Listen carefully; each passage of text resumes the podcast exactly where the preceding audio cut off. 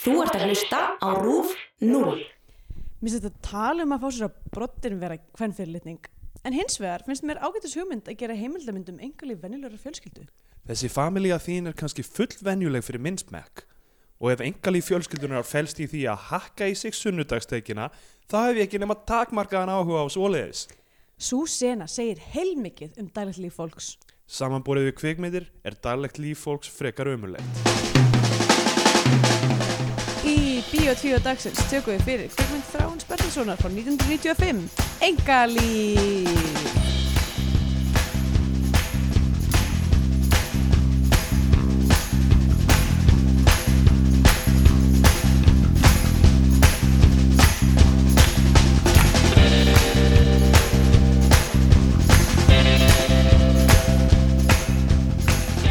Komið heil og sæl og velkomin í Bíó 2, hlaðarpið um íslenska kvikmyndir. Eh, Ég heiti Andrea Björk og hér með mér er Stendur Grytar. Góðan daginn! Hæ, hvað segir þú?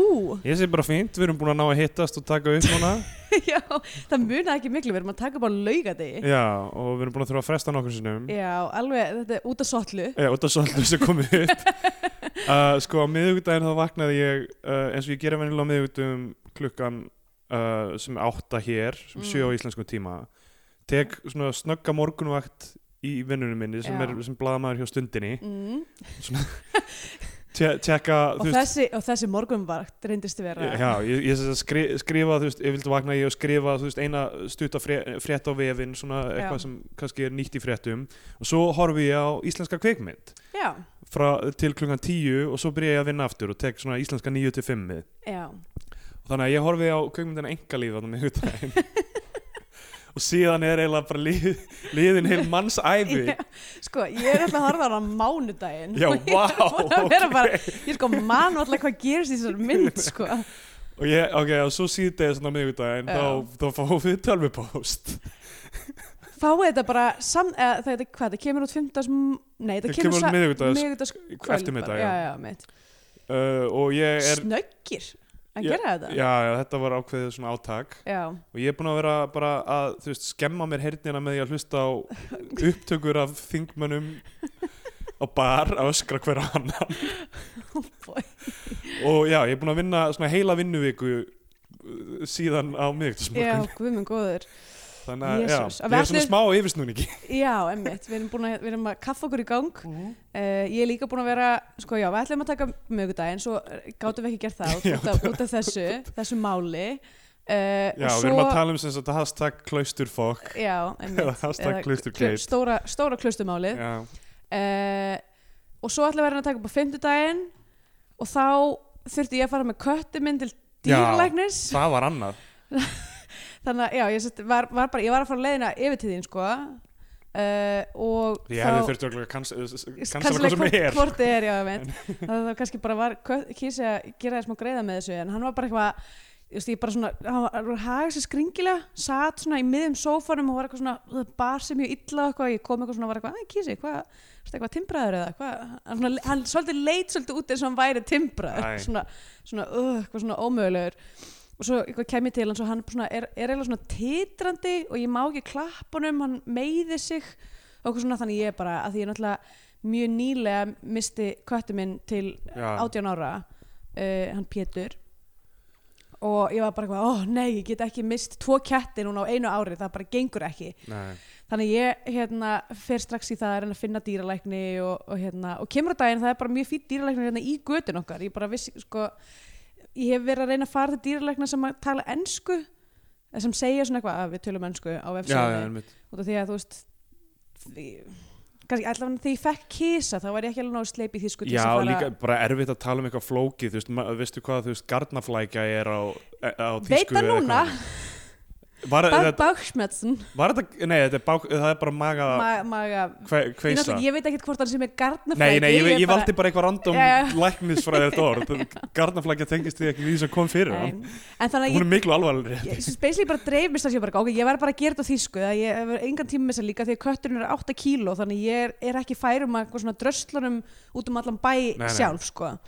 uh, en, hérna, en já, kemur daginn þau, tala fína ensku þarna á þessari, ta- á þessari læknastofu og við förum í kísa og, og, hérna, og hann endur á að fara í röngen og það kemur í ljós að hann er bara stútfullur af kúk Já, það var það sem var að honum ef ég hefði sko að því ég sagði við hann í einhver svona grínli eitthvað, æ, þarf ekki bara að kúka en hann talar ekki, nei, nei. hann skilur ekki tungumál það er eitthvað svo erfitt sko. Já. og þú veist, eitthvað sem ég var að tala um í gær á, á, á barnum um kveikmyndana Arrival sem fjallar um þú veist, að tungumál sé það sem svona, sk- eh, valdi consciousness þú Já. veist, í rauninni eru meðvitund, samilegri meðvitund já, að deila tungumáli að geta gert sér skiljanlega með einhvern annan mm. það er svona erfitt með kettina sko, við getum ekki talað við það já en það er, svo- þú veist, æ, ég það þarf að ætla læra samt- það ætla eins samt- og, eins og, eins og í, í sko, Arrival m- mér finnst hann sko k- ég og kötturinn minn erum með ákveðu tungumál já, já, en það er mjög limited við, þú veist uh, opna og loka augunum Já. svona líkamstellingar uh, svona, þú veist, maður getur alveg mjög öðvöldlega lesið, þú veist, tilfinningar kýsa á því hvernig hann ber sig og hvernig hann er og hvernig hann haga sig gagvart manni um, algjörlega en, en ég get ekki verið eitthvað hvar nákvæmlega meiðir þig nei, einmitt er þér illt í maganum eða að því að hann var líka pínu hann var svona pínu svona pínu sem var í haldur örgulega bara því að hann var svo, var svo mikið af kókin í hann sko. þannig að hann fekk bara stíl hjá, hjá tannlækni hérna hjá uh, dýrlæknum og ég kom tilbaka þau var eitthvað viljið þið að við gefum hann stílinn og svo hlaupið þið bara heima og hann gerir businessin sinn þar eða eigum við ekki að vera hér með hann ég eitthvað, þið með alveg vera með hann já, eitthvað, ég kem bara aftur út í klukkutíma svo kom ég tilbaka og þá voru þau bara sko hann, kúkurinn sem að koma út úr honum þetta var bara eins og einhver tígristýra eða eitthvað wow. Það þau voru ekki verður- að sína þér það nei, reyndar Við ekki geymdum hann fyrir þig við ætlum að setja hann á sap Já. nei, en allavega, þannig að það, það gerst á fimmtæðin svo Já. held þetta bara áfram Svo ætluðum við að taka upp á fyrstu Já. Þá fekk ég eh, tölvupóst frá eh, sem sagt, tölvupóst sem Sigmundur Davíð sendi á miðflóksmenn já, síðan þess að fyrstu dag þá fæ ég og er er fyrstur með hann sem sagt, þegar hann segir að þeir eru að fara í leifi Gunnar Bræði og Bergþór já, frá störfum langur rambling tölvupóstur um, um, þú veist, um þetta mál oh boy þannig ég þarf að drífa það á vefinn Já, einmitt þegar við einmitt. ætlum að taka upp þannig að uh, já, ég vona þú veist, ég hef ekki séð neitt sem hefur gerst í dag en þá, nei, það verður bara, það verður bara að hafa það að ef það gerst eitthvað með við erum að taka upp þá er það bara þannig já, en þetta er búið að vera pínu, pínu hellaðir dagar já, og Eh, mikill yfirsnúningur í hausnum ég er búin að fara að sína improv tvisar með þetta er í gangi Ég er einmitt sko, ég er líka svona fyrir utan þetta alltaf með köttin og allt það, þá er ég líka búin að vera að sinna tveimur mjög svona tímasensitiv verkefnum og ég var að vinna til hann fjögur um nótt uh, í fyrradag já, bara þú veist, þetta var svona búin að vera þannig vika og ég er einmitt að fara að vera, ég er að fara að taka þátt í mínu fyrsta, hérna, mínu fyrsta panelsjó í kvöld já, og ég svona þarf að kynna mér að þetta er sérst Berlin News Quiz en mitt heitir þetta og ég þarf alveg svolítið að kynna mér fréttinnar sem er að gerast í Þýskalandi síðustu vikuna og ég er ekki búin að hafa tíma eða getur til þess að fara eitthvað að lesa þýskar fréttir þannig að Nei, ég er aftur að vera bara eitthvað klúleskellan í þessu, í þessu panelsjói sko. já. þetta, allavega við hérna erum að taka upp og Já. við ætlum að fjalla um engalíf Já, alveg rétt, sem er engalíf kvikmynd sem ég veit ekki þú veist mér finnst þetta viðjandi, þetta samtal í byrjuninni Já, mjög um hvern fyrirlitningu og, og daglegt líf fólks hvort það sé eitthvað Hvort að það sé skemmtilega en eitthvað skemmtilegt kvikmyndir við það ég, menn, ég myndi segja það ef eitthvað sem þessi vika hefur sannað er það er bara töluvert áhugavert já, það er ákveðið drama í, í því hvernig, Í hvernig hvar fó- steinum? á, já, ákveðið fólk já, Algjörlega. þetta er bara svona slice of life sem við fengum að sjá það myndi ég segja. Algjörlega. Eh, og þessi mynd, já, við vorum alltaf vorum búin að taka ákvörðunum um að taka þessa mynd áður en alltaf þetta gerðist en, en Já. engalíf er myndin sem við erum að fara að tala um í dag einmitt. og ég, ég ætla svona að reyna að muna hvort ég muni eitthvað eftir henni hún, sko, hún var alltaf líka algjört mess já þess vegna er kannski svolítið erfitt að henda reyður á hvað gerðist í sér Sko ég vissi eiginlega ekkert að þessari mynd þú veist, Nei. að að Þráin Bertelsson er alltaf frægur fyrir nýtt líf, lög, Mhm. dalalíf og löggulíf já, og Jónut og Jónbjörna Já, en, en þú veist líftengingin er við þær myndir en þessi engalíf síðan þetta er náttúrulega svo ókslega skrítið að taka þessa ákvörðun og nefna mynd þetta eftir að þú ert búin að gera þríleik sem heitir líf þríleikurinn Já, en þú veist þessi mynd samt einhvern veginn passar við uh, þú veist, eða, þetta nafn passar já, við já, myndina það er alveg en er skrítið að því allir er bara já, hvað er þetta þá ný rétt myndum að Danna og hvað er he- heita hérna. einmitt sem eru, nei, Nei. ekkert er ekki Karl Ágúst er í þessari mynd, Já. en leikur bara aðra personu já, já, einmitt uh, en ég- þú veist, ég vissi heila ekkert um þessa mynd og bara einhvern veginn að Ég held sko ég hafi skólað þessari mynd og veggfóður saman í haustum að mér. Og Já. þetta er Dóra takkir fúsar í Dóra báðum. takkir fúsar í báðum og um, sko, hún er bara allt öðruvísi innrömmuð en, í- en ég held sko, Já. þessi mynd. Mitt, sko það er rosa kast í henni, það er rosalega mikið af íslenskum það leikur er bara allir. Ég þarf bara- Úrvala lið sko. já, ég þarf eiginlega bara að fá þetta upp hérna, uh, Mhm. allan listan og lesa hann upp en það eru mjög mikið af, af þeim leikurinn sem við höfum gjarnan talað um og séð Einmitt. en þeir þrýr sem og þráinn skrifar þetta og leikstýrir Einmitt. myndinni uh, við erum með þarna um, Dóri Takkum Fúsa Gottskálk Dag Sigursson og Ólaf Egilson Já, Sem eru svona- Þríegið sem er miðjan á myndinni. já, unga þríegi Já. en svo eru Karl August, það er Siggi Sigurjón Steinn Ármann, Já. Kristbjörg Kjeld Jón Sigurbjörnsson, Sigrun Etta Björnsdóttir uh, Egil Ólason, Hanna María Karlsdóttir Randverð Þorláksson, Tinna Já. Gunnlaugs Allir í spjókstofunni. já, Latti uh, Valdimarut Flýjering Helga Já, Braga Theodor Júliusson Hinrik Ólafsson uh, Já, það er bara rosa mikið. rosalega mikið af uh, En leikur ekki Þröstur Leó. ekki Þraustur Leo og ekki uh, Egert Þorlesson Hann hefur vandar, Þrösturlega hefur vandarlega verið að gera Tár Pálmi Gess. Steini á þessum tíma. já, líklega, og Pálmi Gess er ekki samt úr, úr spaukstofinni, Já, æ. eða Örn Átnason Er Örn Þorstarsson ekki? Nei. ah, ok. Hm, Hæ, allavega. um, og sko myndi byrjar og meðan kreditlistin eða sem sagt intro credits er í gangi þá er alltaf verið að klippa yfir í það stendur eitthvað svona uh, eitthvað handrit þráin Bertilsson Hm. Mm. og þá kemur svona monta, eða svona montage eða svona stock footage af einhverjum að skrifa á rítvél Já, og svo er eitthvað klipping og þá kemur eitthvað stock footage af skærum og einhverju svona já. Þetta er, mhm, þetta er, það, þetta er mynd fjallar um kvikmyndagerð Já, þetta er eitthvað svona metatilraun. Já, þetta er mjög pómó mynd, þetta er rosalega pómó mynd Hún- Pómó. postmodernísk Já. Pómó. Já. Það- ok, þarna fórstu yfir línuna stund. Hva? fólk segir þetta er það? Pómó fyrir mér hljóðum bara eins og FOMO, eitthvað Já, svona. já, já þetta, þú veist, ef þú ert ekki búin að horfa á þessa mynd þá ert að missa af Já, um þetta er FOMO nákvæmlega. mynd en, En nei, ég, ég myndi ekki segja það, þú veist, ég held að enginn sem, sem er að hlusta hafi séð hana Nei. sem var ekki, hún er ekki eitthvað aðgengileg við það eða Nei, emitt, og líka bara kannski alveg ástæði fyrir því að fólk er ekkert mikið að Já. horfa á hana rosalega mikið síns að því tíma að hún er svo erfið eða þú veist það er erfitt að horfa á hana bara því að, ógeðslega erfitt að því að bara hl- allt, öll hljóðvinnsla og þú veist náttúrulega partur, stór partur af henni er þau að gera mynd já.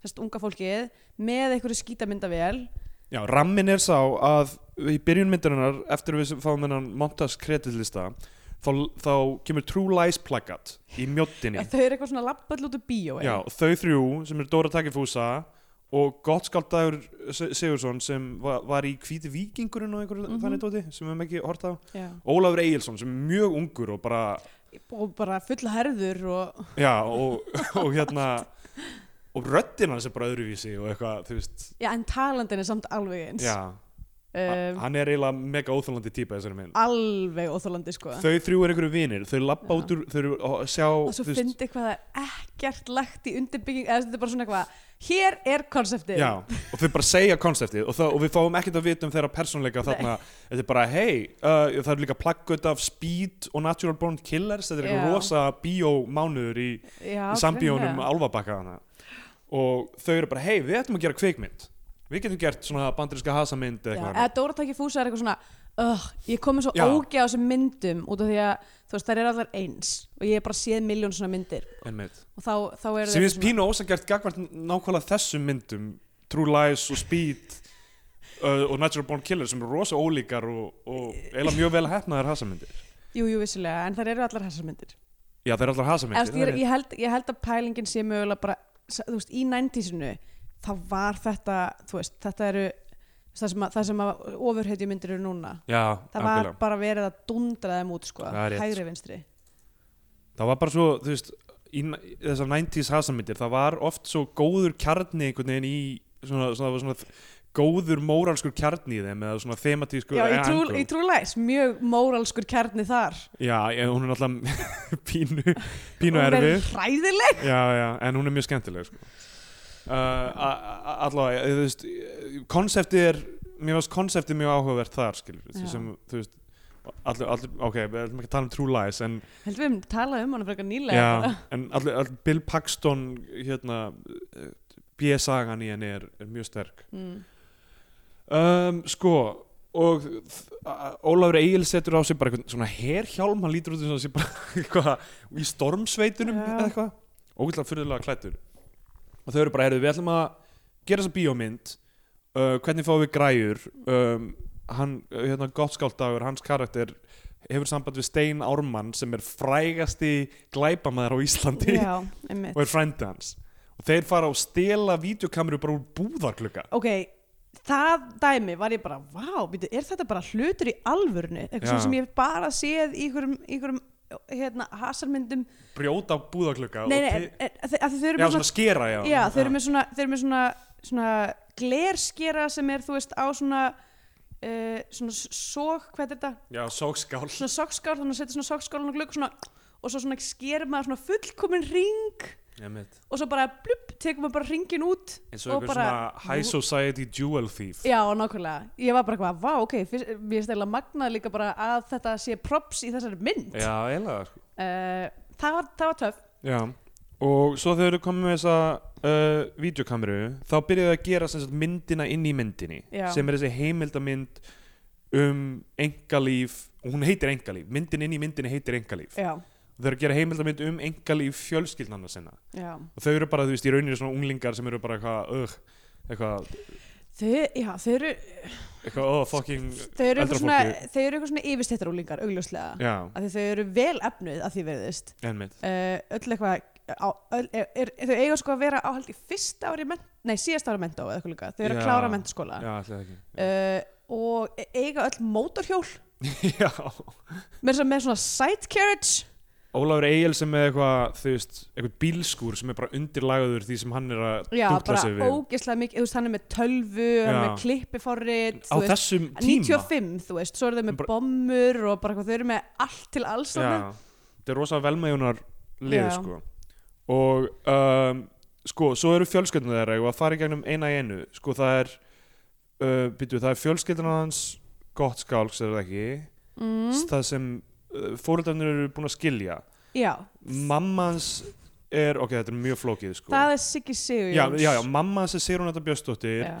hún er núna með manni sem Karl Ágúst leikur Já. kallaði Bobo og reikur sólbastóðuna Costa del Bobo Kosta til Bóba, svo lélegt nafn já af því að það er eiginlega ekki playa á Costa del Sol Nei, nákvæmlega uh, Já, uh, og og pa- pappinn er Siggi Sigurjóns já. sem er algjör svona undirmálsmaður eða þú veist einhvern veginn svona algjör Hann, er, betameil. hann er líka kennarinn þeirra Já. í mentaskóla hann er að kenna þeim eitthvað Bara- bara, bara, þú veist það eru tímar Ég þar sem held hann er að að tala hann, um vera, hann á að vera sögukennari hann er að tala um Van Gogh í einhverju tíma Já. svo önnu tíma er hann að tala um einhver svona líffræði svona einhver svona einhver náttúrufræði, þú veist hann er bara eitthvað kenna þeim Já, já, eitthvað Hann er bara að kenna eitthvað og hann er með helgubrögu Sem á að vera norsk Sem á að vera held ég. norsk eða eitthvað þannig hann á að vera eitthvað Allan hún er að skandinavísk vinna með eitthvað bongarsreim Já.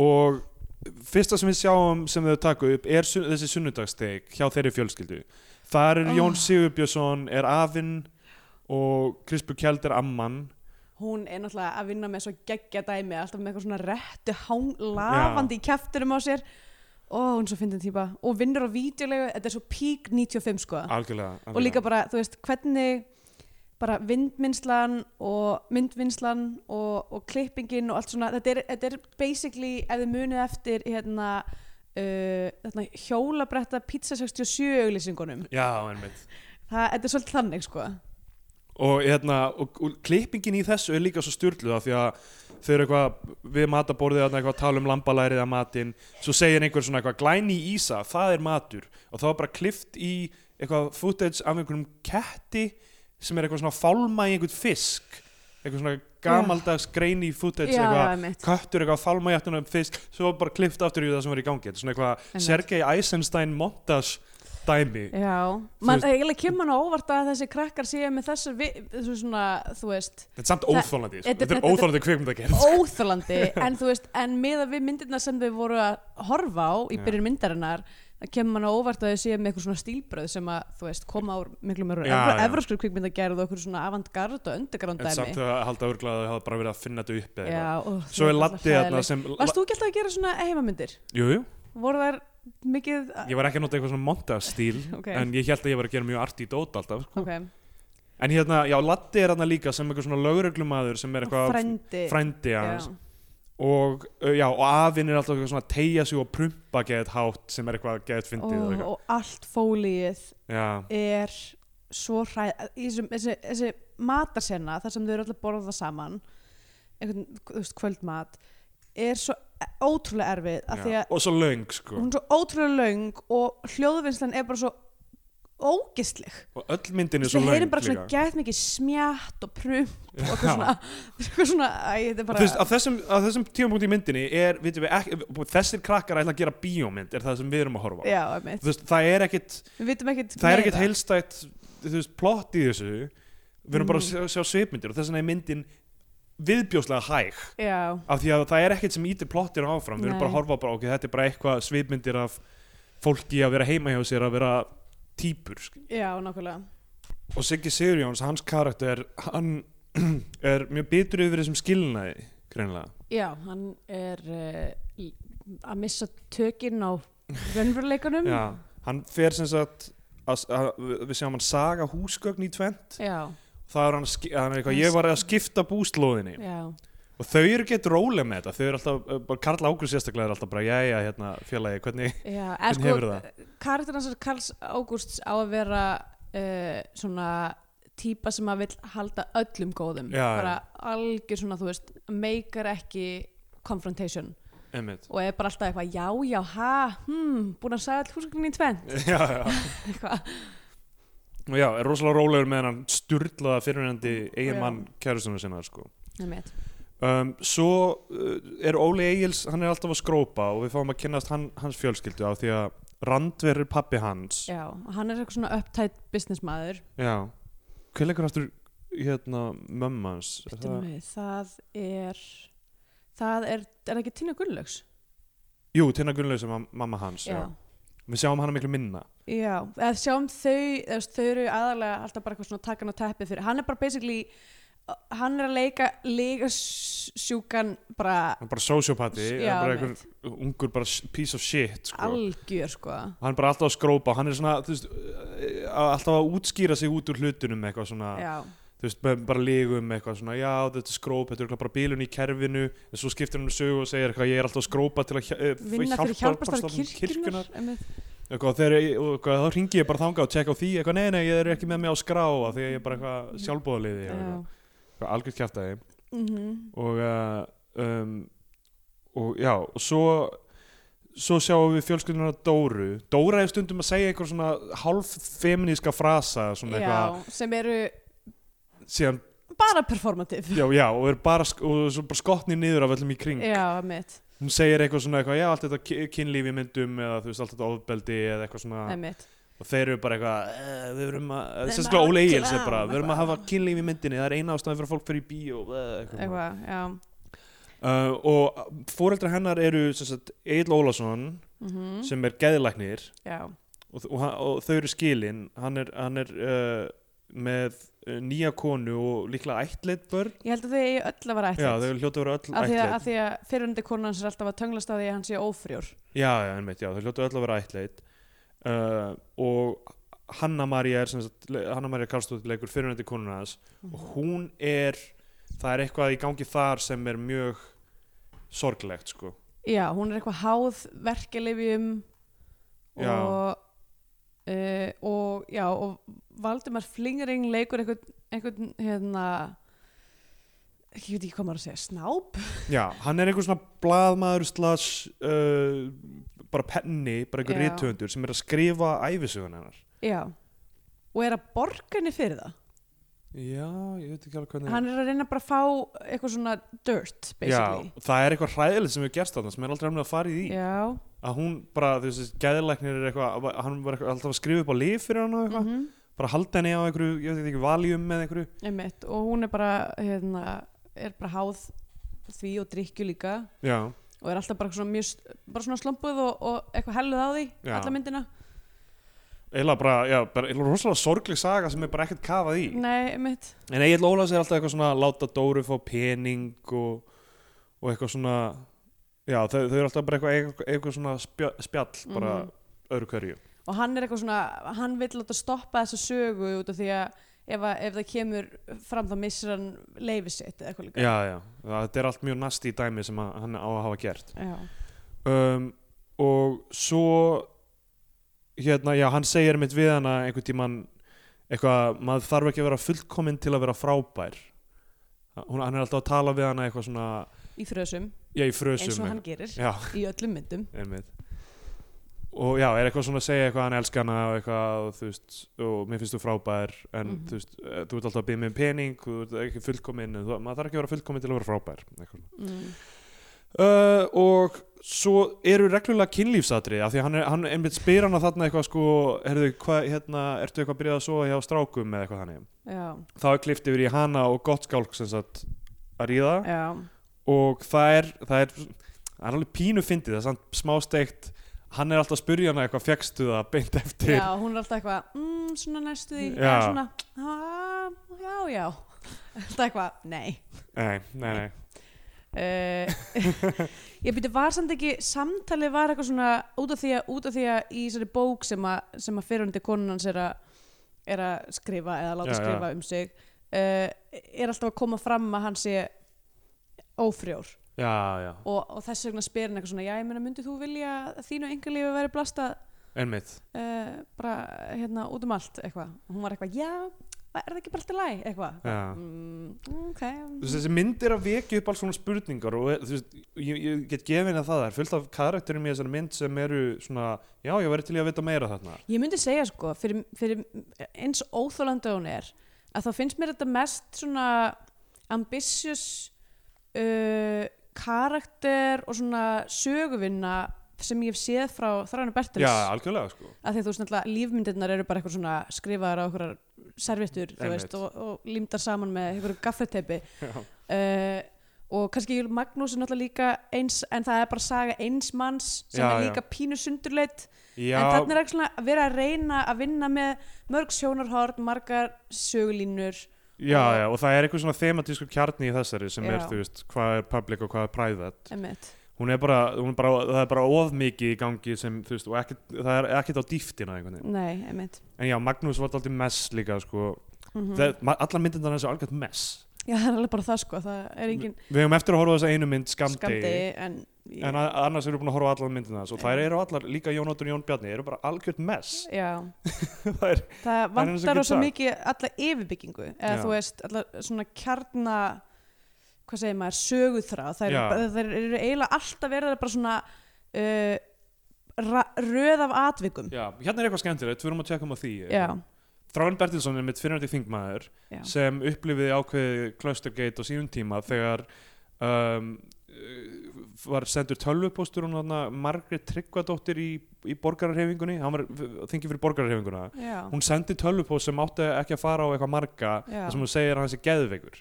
Oh boy. En hann fór á eitthvað, þú veist, á Á. eitthvað rangt e-mail já, ok, Já, og fór í fréttir bara eitthvað að þingmaður segir annar þingmaður sem geðveikur ok sem var svona ákveðið svona ákveðið svona forsmekkur af þessu já, dæmi, sko. einmitt. já, m- vissi ekki af þessu en er hann geðugur? ég ætla að segja það hér og nú Nei, ég meina þú veist uh, Ok, mér st- stundum auðvitað nota maður þetta yfir eitthvað þú veist, þegar maður, þegar maður skilur ekki atferðli einhverja manneskjum og Já, eitthvað, já. hún er bara eitthvað geðveik uh, sem er ekki, se- ekki vók og við Eh, erum vók podcast og ég, það er erfitt af því að þú veist ef það, að, að því að ef það kemur svo á daginn að atferðli þessari mannsku er eins og það er út af því hún er bókstaflega veiku Já. geði að þá er það mjög óþægilegt að hafa actually sagt þetta ég fann Einmitt. að þetta sé tæknilega sér rétt já, já. það er það bara einhvern En, þú veginn veist, en, verra en þú myndir ekki segja þetta með eitthvað svona líkaleg með, meðsli eitthvað, þessi guður hann er alveg fótbrotinn eða eitthvað svona, svo bara, ó, fuck, hann Og reyndist vera fótbrotinn fótbrotinn. ah, ok þú veist það þú ge- þú getur ekki þú veist, af því að þú veist, hvernig maður ber sig andlega, hvernig maður hegða sér andlega og við fórum aðeins inn í þetta í, í Englar Alheimsins þættinum, er þú veist eitthvað það er eitthvað svona levels af því hver, hversu eh, hegðun fólks er skrítin út fyrir eitthvað sem er norm já, og svo er það yfir í að vera eitthvað klíníst geðveikur sko. en einmitt þú veist það er ekkit líkamlegt sem mattsjar það sko. nei, voða lítið já. Já.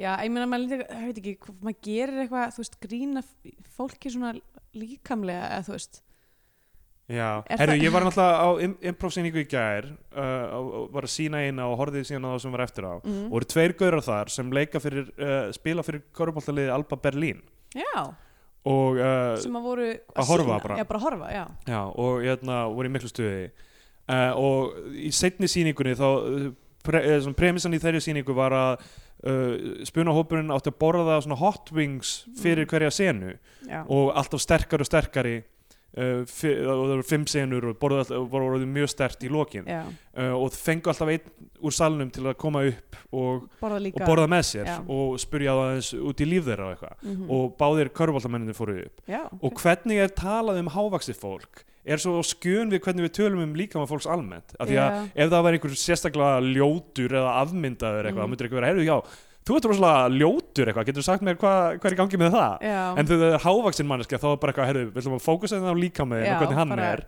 Ég sko- bara þú er svo hávaxin, er, ert í körubólta, hvernig er það eitthvað? Ég sko upplifði, þetta er náttúrulega ekki gaman að, eða þú veist, æfið ekki, ég kannski, ég, ég pyrra mig minna á þessu, kannski út af þessu, en þú veist, bæði það, ok, jú, ég meina, við, þú veist, við erum bæði, myndi ég segja, tildurlega hávaksin já, já, ég fæ, ég fæ þetta smá sko. sérstaklega hérna í Berlín, Já. þegar við komum hingað til Berlínar, þá var það eh, mjög mikið, að því við vorum alltaf saman líka, þú veist, Já, að- já. að fara á Comedy Café og eitthvað svona, það var alltaf eitthvað svona dve- íslensku, ska- skandinavísku risarnir, eitthvað mættir þýpur að turna Já, þetta er nákvæmlega eitthvað svo leiðis En líka sko, í, að því ég náttúrulega er í, í svona hérna, all female comedy group uh, It's a time of the month og þú veist, almennt myndum við segja þú veist, bara mjög svona, þú veist við erum ekki að gera grínað líkomum fólks eða eitthvað svo leiðis já, já, nema ég virðist vera tiltrúlega fair game já, að því að ég er svona hvað myndum maður segja kannski svona um, uh, hvað er alveg orðið nei, ég er bara spenntur fyrir að heyra Já. hvað það er að segja um megin líka Svo tra traditionally falleg já, já, þú veist, svona, svona fellin í eitthvað ákveðið form sem er staðlað eftir þetta já, samfélaginu þetta er Ég eitthvað myndi- svona ég myndi grönn, segja- grönn og há og Já, ljósærð einmitt, ég myndi segja þú veist að allar konunnar í þessum hóp eru mjög fallegar Hmm. uh, að mínuskapi en þú veist, en ég, ég veit ekki, það er í lægi að gera grína mér að því eitthvað svona og Já, það já. er óslega oft svona butt of the joke eitthvað, æ, þú bara litla Barbie hérna á hodninu einmitt, um, það er mjög fyndið sko ég, þú veist, ég fæ, ég fæ svona svipa líka sko Já. og, og, og það er hár og ljósærður og eitthvað svona einmitt, en það má gera grína því já, en, en mér finnst það stundum mjög óþægilegt Já, það er það og líka það, ég held að það að vera 2 metrar og, og 13 sentimetrar Já. Þú veist, eins og annar af þessum gaurum sem spila center fyrir Alba Berlin skilur. einmitt það er ekkert eitthvað að dansa á rósum skilur. Nei, þú veist að, þú- ég meina, pældi hvað það er óþægilegt að lifa á marg, á margan hátt Já, bara ekkert er, ekkert er hannað fyrir mann, Já, maður er já. alltaf, alltaf of stór fyrir allt og einmitt. þú veist, já, En, en þú veist, þannig að við erum alltaf að tala um þetta, þú veist, já, ok, ég meina, þetta er alveg nett, þetta er alveg eins og það, líka fyrir okkur, þú veist, að vera frá Íslandi og vera Já. hérna í samfélaginu, það er svona conversation starter og, einmitt. þú veist, og fólki finnst það spennandi, fólki finnst spennandi, þú ert svona ógeðslega hár, hvernig er það? Hvernig er Ah, Já. það En þú eiginlega? myndir ekki, ef þú ert dvergvaxin, þá myndir- ertu ekki bara eitthvað, herru, hvað er Hvernig málið er- með að vera svona Já, lítið? hvernig er eiginlega að vera svona lítið Já. alltaf? Hæ, Já, hvernig er það- veðrið þarna niðri? þú veist- Já, þannig að, þú veist, Ég hef já, þetta svo er mjög oft fyndið. fengið sko hvernig er veðrið þarna uppi, en mér hefur aldrei dottið í hug að segja við, þú veist, eitthvað Hvernig er veðrið litla þarna niðri? manneski, hvernig er Hvernig er veðrið lyktin þarna á það niðri? neyri? Ertu í prumpuleitinni allra? eða Hvernig er það? Fúkist að ljótt. Já. Hræðilegt. En byrju, hvað vorum við að tala um? Við vorum að tala um uh, Ég man ekki Við vorum að tala um geðveiki, Já, já, að, emitt, já að þú veist, að bera, að því að þú veist, það er, einmitt, Já, við Uh, vorum að tala um Þráin Bertilsson málið, sko já, einmitt. En hann er ekki geðugur í, eða þú veist, Ég, ég Við veit vitum ekki, það ekki, ég veit það er ekki erfitt að hvernig, hann, segja. hvernig hann hefur það það er ekki gott sko, en, að segja. Við slum ekki fara að draga álektanir um það. Nei, en Mamma mín ringdi mig í gær og hérna, hún er að hlusta svolítið á Biotvíó Já, og hún vildi by the way skila til þín að að hún er mjög ána með okkar vinnu og, hérna, og hún skammaði mig fyrir að vera alltaf að tala yfir þig. Ha? og ég var, nákvæmlega, hlustendur, þið veitir hvað ég er búin að vera að gangi í gegnum Ég kem aldrei orði að nei, einmitt. þannig að ég er bara, þú veist, ég er búin að vera að passa mig sérstaklega mikið núna í þessum tætti.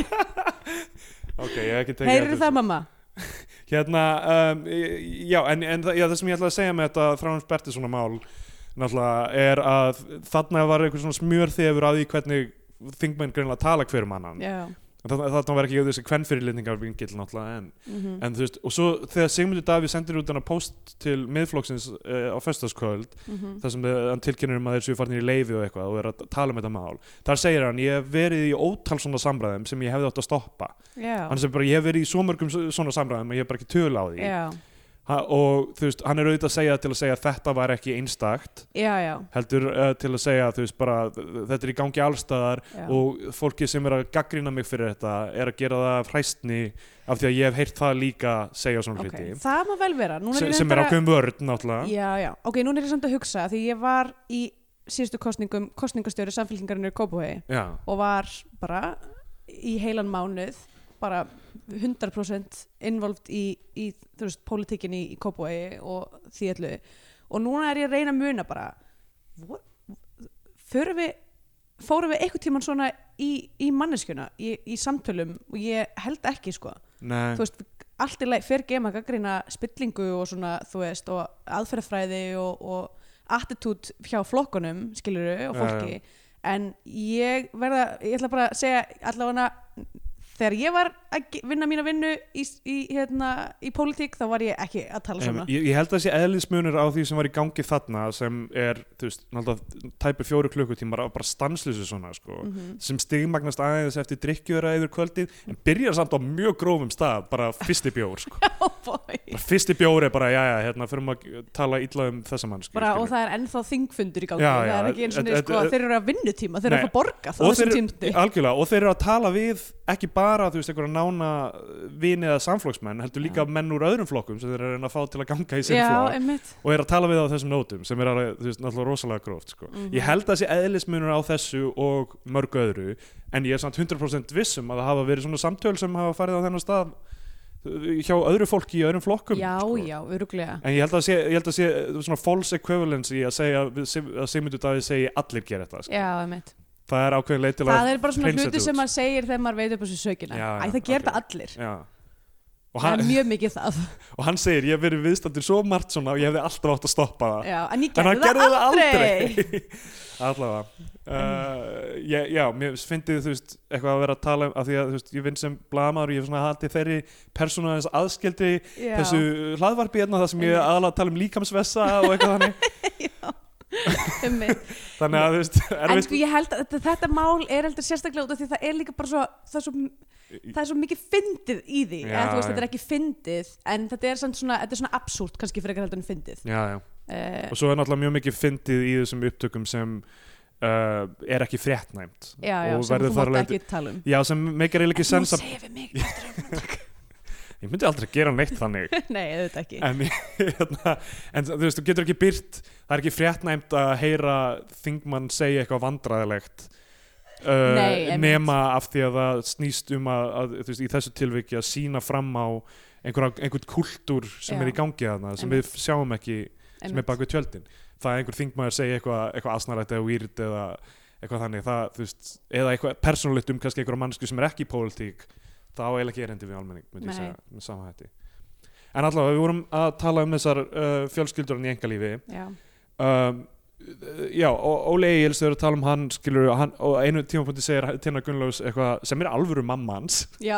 mér fannst mjög skrítið að hún er alveg mammans en síðan er pappans að leika í myndinni en er er ekki, ekki alvöru pappans já og, og við vorum að tala um í veðramótum Já. þar er Tina Gunnlaus og uh, Tina Ólafs já, eh, nei, Tina Rapp segi ég já, heit- heitir hún, sem er frænga frænganar Já. og það er eiga að vera sama Já, manneskjan í þeirri mitt. mynd ég meina þess að það var alveg gott casting þannig séð en það var bara náttúrulega ógæslega skrítið að því að engin annar var með tvo leikara Já. þú veist, alveg sk- mjög farlegt Alltaf að vera mátt hlustið á þann, þann þátt, hann var það var skemmtilegur. mjög skemmtilegur, Um, þó við segjum sjálf frá þó ég segi það sjálf. Frá, og, og hann- já, hún segir, hann er þó ekki í eitulifjum og svo er klift beint yfir í hann að reyka eina feita jónu. já mitt, og svona "Ugh, cool tónlist, eitthvað, "Ugh, Jóna wow Um, ok, ég verða við ég segja, segja eitt sem ég er búin að vera að taka eftir svolítið mikið í næntísinu, í öllum bíómyndunum sem við tökum í næntísinu allir, bókstaflega allir eru alltaf að segja, nema hvað já, Hefurðu tekið eftir þessu? mannstu eftir rapplæginu með César A sem var nema nema hvað, nema hvað, nema hvað, nema nema hvað, nema hvað, nema hvað. var þetta allt rappið? Ég ég man ekki alveg hvað En þú veist, hann alltaf var aðla frægur fyrir hérna Ha, ha, ha, ha, ha, ha, ha Hvað byrjar á S og endar á A Já, já. César A Hver presenterar aðeins það feitasta César A það Og var, læg, veitum, var ekki eitt sem hétt feitur skóð þvengur og eitthvað ég minnist þess að Fyrild César A já, Tölum um það. áhugaverður uh, já, ég veit ekki, bara ég minnist þess ekki að hafa heyrt nokkurt segja nema hvað Nei, að, út, þess, þetta er greinilega bara eitthvað svona hlutur sem að bara gerast mjög mikið í nældísinu og svo bara, ok, það er allir komin leður nema hvað, hættum að segja nema hvað já.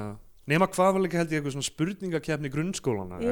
hér, nema hvað þetta hefur kannski bara nema hvað að yfir sig Já. Ísland og svo og bara, bara heyrðu hættum þessu við það er komin að nýja hæ- öll verð- já, ég segi, við verðum að fara að nota eitthvað einhver- nota eitthvað annars langur, þetta er óþlandi sko, það, nema hvað, nema hvað, í, í næsta atrið þá er sko Siggi Sigurjóns að kenna þeim eitthvað um Van Gogh og að hvað hann skara sér eira á Já. einhverjum ástæðum það er eitthvað sem kennari fyrir í og er eitthvað Já. svona heimspekilegu spjalli við krakkana Já. og þar eru í, í bekknum eru Emiliano Torini Já. og Ragnar Kjartason og alls konar eitthvað svona 90s krakkar sko, Já. sem, sem maður hefur séð sem voru svona spretta upp þar sko. þetta er algjörst smorgasport þessi, þessi mynd sko Já. og svo sko, þessi, þessi, þessi kennslustofa er þú veist, all, að því það er svo margi söguþræðir þú veist, allar þessar fjölskyldur og svo líka, þú veist, eins og sagan hans Latta Já. sem er ógisla trist líka Já, hann er eitthvað, hann er, þú veist, frendi hérna, svo saga er mjög dark sko. já, og þar sem að hann eitthvað er að tala um að hann hafi hérna, kynst konu sinni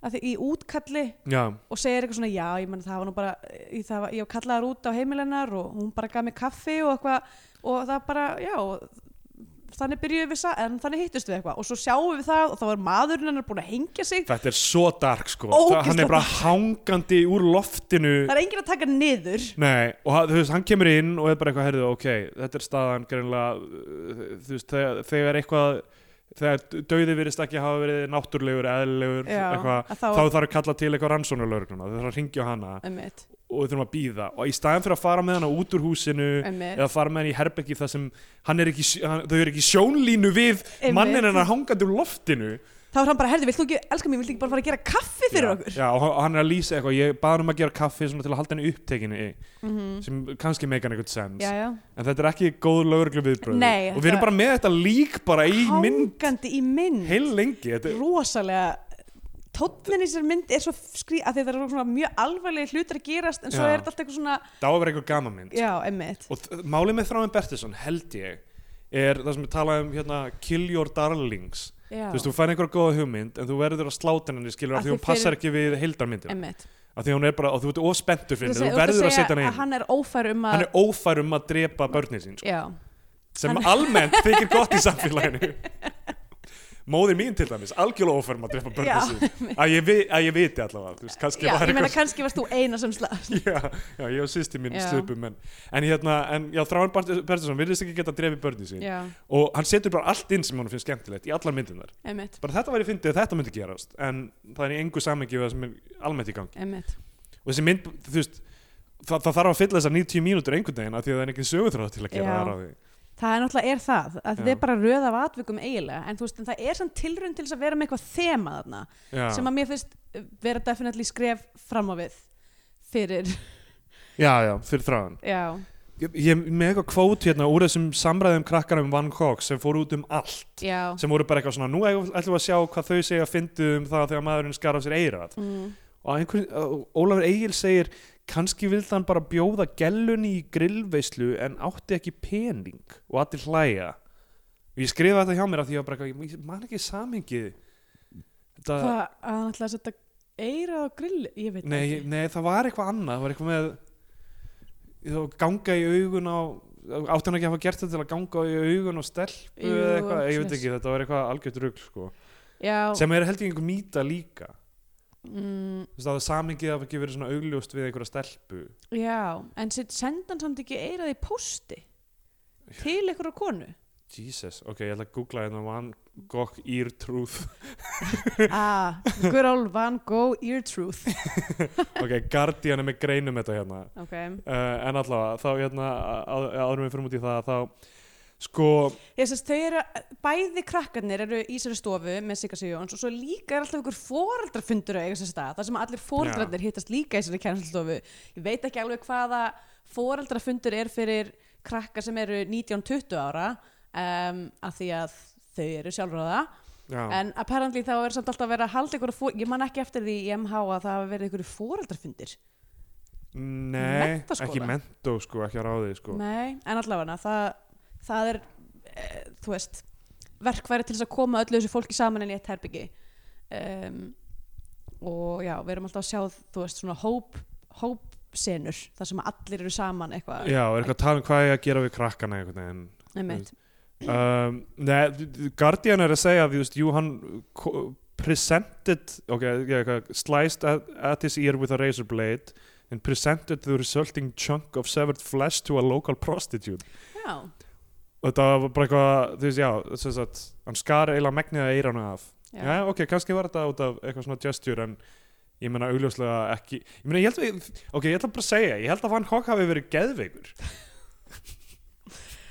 Mér finnst þetta nú ómaglegt ok, ok, sorry hérna, það er þau eru sérst tókuð þarna upp fullta efni til þess að búa til mynd um, um engalíf fjölskyldin sinna og hérna, og svo miðbyggmyndarinnar, eða kannski að mér sér bara held ég í fyrsta akti þá klippir Dóra saman eitthvað svona rough cut já, já, uh, og sýnir þeim og við sjáum það bara mm.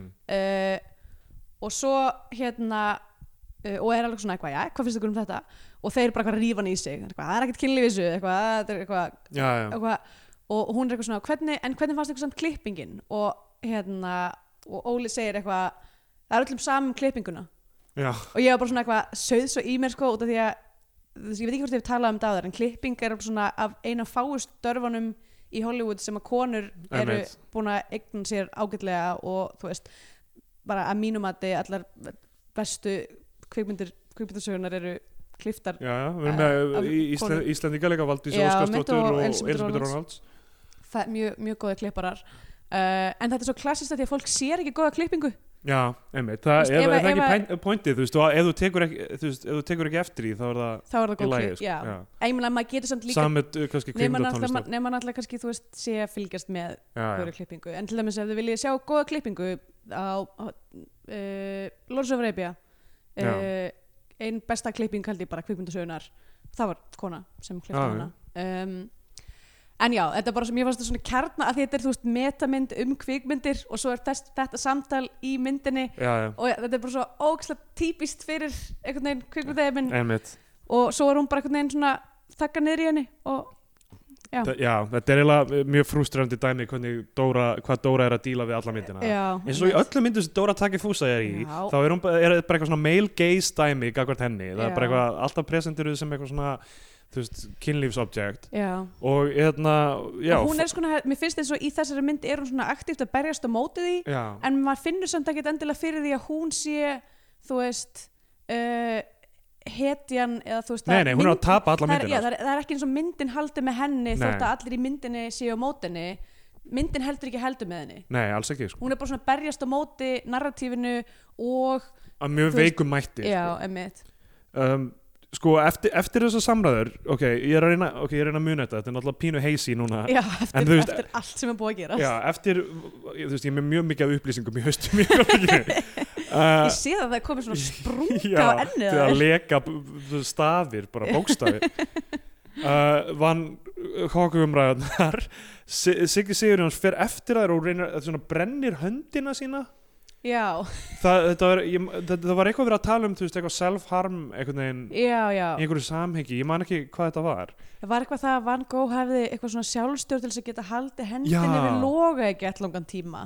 já, k- já þetta hefur verið þetta kannski vildi hann bara bjóða gælun í grillvislu og átti ekki pening, Já. þess vegna var hann alltaf að brenna höndina sína Já, eitthvað það er svoleiðis. eitthvað point, pointi og hann reynir að gera þetta, hann heldur eitthvað höndinu sinni yfir loga og hérna meiði sig feikir óvart í Já, uh, og heima hjá sér eða heima hjá Hölgebrögu kannski eða eða Já. kannski hefur búið saman, ég veit ekki og svo fer hann að hóta Bobo hann já hann, hringir- eitthvað, hann eitthvað kveikir á eldspýtunni, fer og eitthvað, og eitthvað svona, ah, ok, brennir sig, hvað hendur eldspýtunni við ruslið, labbar út á svalir, ringir í sólbastofu Bobo og byrjar eitthvað að hóta honum með Já. einhverju grínröddu Mhm. að hann er alveg, hann er að mjög mikið að missa tökinn Já, já. saman og hérna og hann er, og hvernig að Siggi Sigurjóns ber sig í þessu er svo, að, þú veist, hann er svo mikill lúsir einhvern veginn já, og, Æ, hann er alltaf góður, já, og ég, elska Sigga ég, mér finnst bara, þú veist, það eru sögur þarna sem ég hefði viljað sjá hans fara meiri í þú veist, ég meina hans rosalega afbrýð sem ég er Já. eitthvað sko. Ég var sko að hugsa í gær Nei, ekki í gær, fyrir svona viku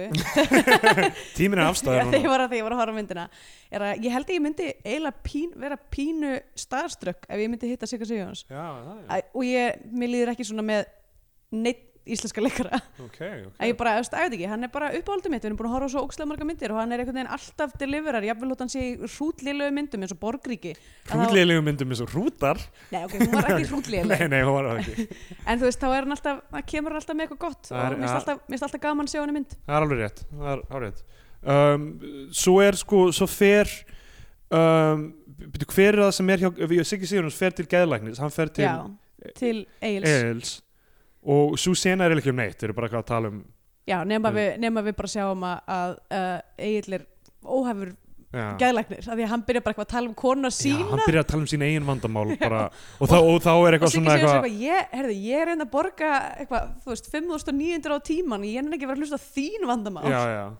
Hver, já, eh, hann segir 5.000 á tíman þá leiðir eftir hann, Já. 5.900 býrum fyndið um, svo eh, við við sjáum vídeoleguna sem Chris Björk Kjeld er að vinna, þar kemur Gauji litli inn já einmitt og veslar Heru, svo er einhver umræði ég er búinn að mér fannst, mér fannst alla seyrunda með Kristbjörgu Kjeld mjög skemmtilega já, já, það er rétt, og, uh, góð típa þessi þú veist um, en pældi hvað hann er búinn að vera að leika þessa ömmu lengi já, Þú veist, þetta er 95 hva, eða hvað já einmitt og t- núna, já, 23 ár, árum síðar já. er hún ennþá bara amman alltaf einhvern veginn það er náttúrulega mjög fá hlutverk fyrir konur á miðum aldri Já, e, já en það, það, ert þú veist, annaðhvort- það sem gerist er sko að þegar þú ert á miðjumaldri einmitt, þá þarf það annarkvort eldaði upp í ömmuna já. eða einhvern veginn eða feikaði halda niður þær mjög vel Já, og ljúa til um aldur Svona Hollywood, Hollywood weird skilur. holy weird uh, Og hérna Já, og svo er einhver styrluð umræðarna um eitthvað strápils og ringi nefið ó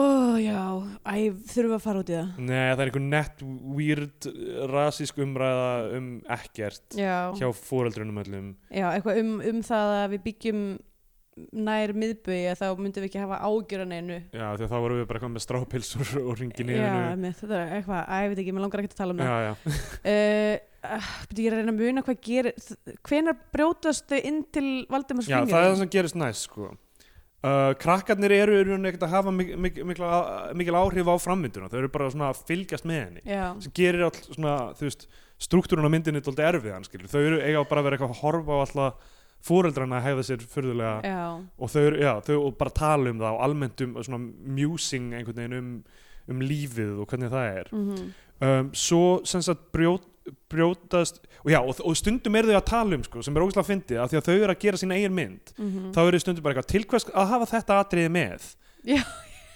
um atriði sem við erum búin að vera að horfa á já og maður bara eitthvað, já, nákvæmlega nákvæmlega Af hverju erum við að horfa á af þetta? hverju eru að horfa á þetta allt saman Bara þau eru að- practice what you preach þau eru að tala um það sem er gallað í myndinni sem þau eru í Það er, það er styrla hvað það er með það Já, rosa meta ég myndi alltaf ganga svo langt að segja að sé pomo og, og Mm, svo brjótast þeir sem sagt inn til þess að þau þurfa að filma innbrot og í staðan fyrir að filma innbrot í heimili sem eitthvað þeirra á Já, nei, þá hvað þeir raunverulega að brjótast inn hjá Valdimar Flýjaring karakterinu Já, og það er ulterior motive þar að því að Já. Dóra er að fara að stela allum upptökunum af mömmu sinni til þess að Einmitt. hilma um fyrir, fyrir pappa sínum Já, sem er svo bilað sem sko. er alveg fárlegt hún fyrir, þau stela öllum sem upptökum og filma líka einhver klámblöð bara því að Óli Eilsson er svo graður Já, og svo setja þau inn í myndina eftir þetta gaura í styrtu að því að það er að tala um eitthvað svona nekt, þetta Já. er nekt og þá kemur bara svona ógæslega langt skot af nögtum kallmönnum í styrtu já, Se- að því að þarna á að vera svo fyndi skilur, við, þur, við þurfum að hafa nekt en heyrðu það er reyndist vera nekt kallmanna Já.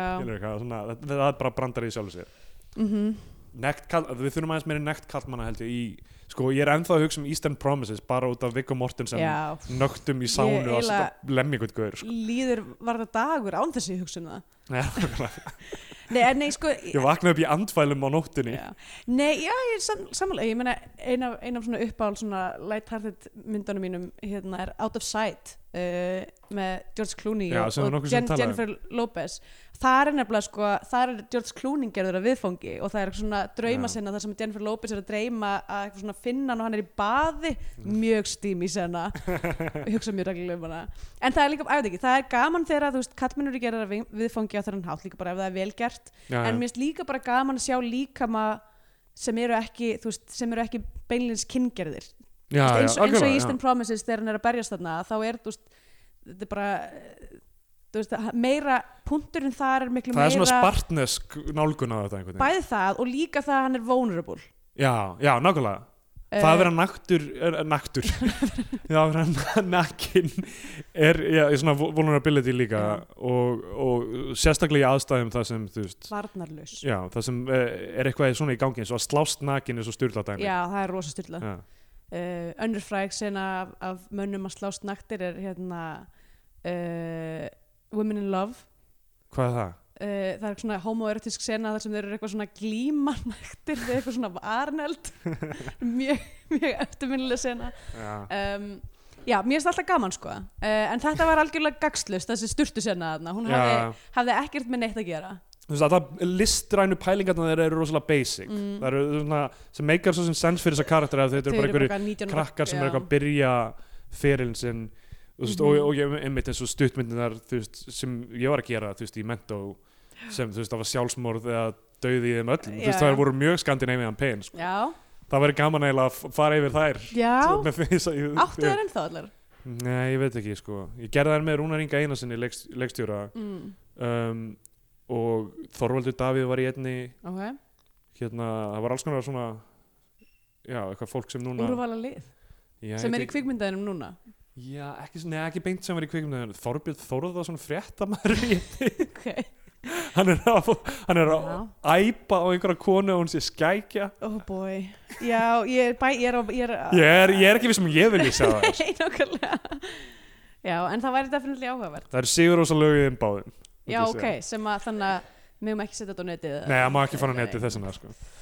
um, uh, allavega, þá hérna svo er sem sagt, byrju, já, Dóra verður einhvern tíma rángeið af fullnæðingu hún er eitthvað, það er eitthvað atrið þar sem hún er bara eitthvað að fá Já, það ein, hún er bara eitthvað að dreyma hann er að dreyma að hún sé að fá það Já, en svo er alltaf þú veist verið að klippa yfir í skilur hún er alltaf svo já kærastan sínum og gengur aldrei neitt að fá það Já. og hann er alltaf eitthvað á- eitthvað erfitt með það þau eitthvað svona klára eitthvað svona fimm smokka eða eitthvað Mhm. Það var eitthvað, var eitthvað, vá, ok, það lítur að vera mjög illt Já. uh, eftir allan hann hamang nema þessu ég bara alltaf eitthvað svona skiptum smokka á miður leið, en ég bara því nótir að það að allir smokkarnir voru eitthvað svona mismunandi lit já, eitthvað svona eitthvað mjög 90s eitthvað svona flavored condoms ég verið að segja Er með þetta ekki bara svolítið búið? jú, ég allir það ekki, ég er náttúrulega ekki mikið nota smokka undan fyrir ár Nei, einmitt. en hérna Ég uh, er náttúrulega komin aftur á smokkavagnin sem er, æ, þú veist, Eh, pínu bömmir en ég betra heldur en að vera alltaf með mígreni og eitthvað. já, já, þú veist, bullshit. að það aftur hætt á pillunni Já, uh, það... þú byrjar aftur á pillunni,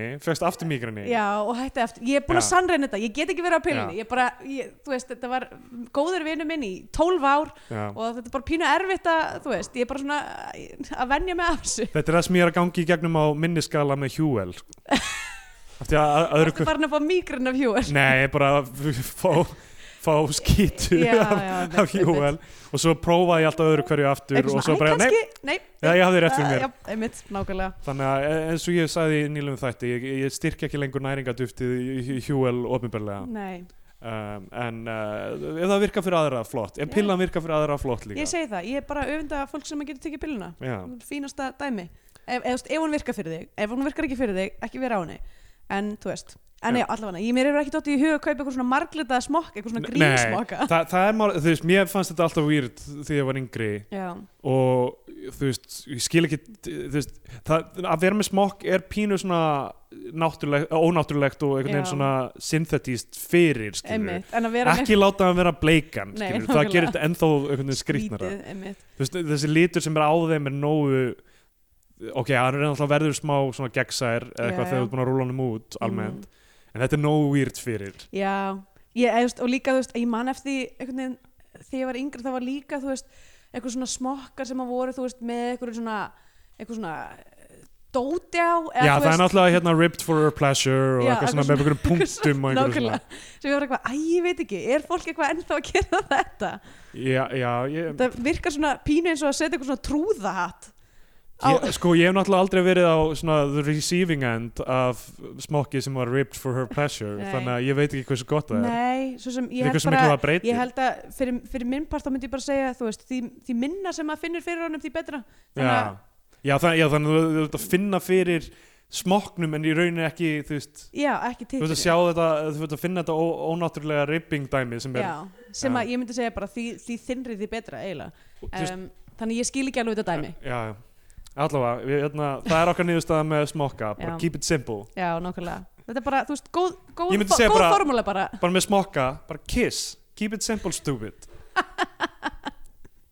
sem er, Oh boy. ok, en hljómsveitin kiss er náttúrulega, það keep it simple s- það var að ég velta, Er það sko, af ekki- því að það er svona backronym er um það það, ekki Knights, Knights in the in Service of Satan. það er ekki ekki sem er ekki það sem þeir hugsuðu upprunalega ok, en svo En- heyrðu þeir það og voru bara eitthvað, já, það Já, er þ- já, þeir bara fíla að það séu einhverja svona sögur sem bara, hva, þetta þýður þetta Knights in Service of Satan sem er náttúrulega styrlað skilur á því að Kiss er eitthvað svona bara eitthvað, eitthvað svona kapitalist p- p- peningabatteri Já, eitthvað keira á einhverju svona meðal tónlist já, nákvæmlega um, en eins og, hérna, eins og uh, Gene Simmons sagði oft a band is a brand sem er vá hræðilegst hluti til að segja um- þetta er besta setning sem ég heyr uh, fucking Já. branding Já. maður uh, svo mikið vesen Ég- ég- ég meina þjónastundum tilgangi en, en þú veist, en þegar þú- þegar þú- við erum að tala um listsköpun og þá Ég finnst mér veit. þetta svolítið svona óþægilegt, en svo þá kannski bara litu kiss bara ekkert á sína listsköpun sem listsköpun og voru bara, við Já, erum, já. við erum maskina, við erum að gera peninga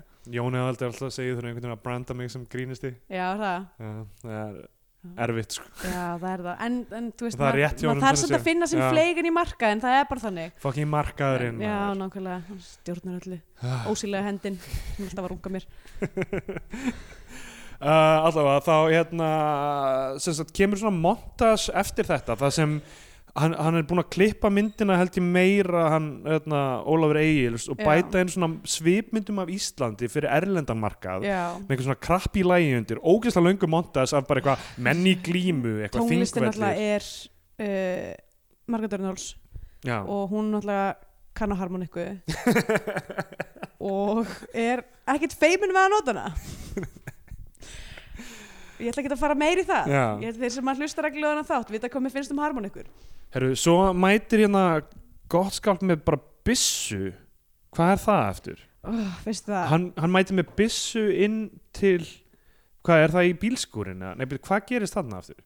Nei, það var Valdimar Flingering hann kemst á snóður um, um það hver, hverjir stálu af honum þessum eh, kassettum Já. og hann kemur og Nei, ætlar það að- er aðeins, það er einhver Ó. byssa fyrst ok, þá man ég ekki eftir því og sko, svo skýtur hann eða maður heldur hann, já, hann er reyður út í Óla Egils Já, út maður af heldur hann því- að skjóta hann út af því að Óli er búin að gera sitt eigi kött já, já, og maður heldur hann sé búinn að skjóta hann og drepa hann já, en það, er hann- það kemur svona skvetta á skjáin það sem er mynd af honum já. og hann skýtur hann ekki í alvörunni eða eitthvað nei, en það er samt eitthvað svona raukt það, Já, ég veit þetta ekki er mega skrýðið Já, dæmi einmitt.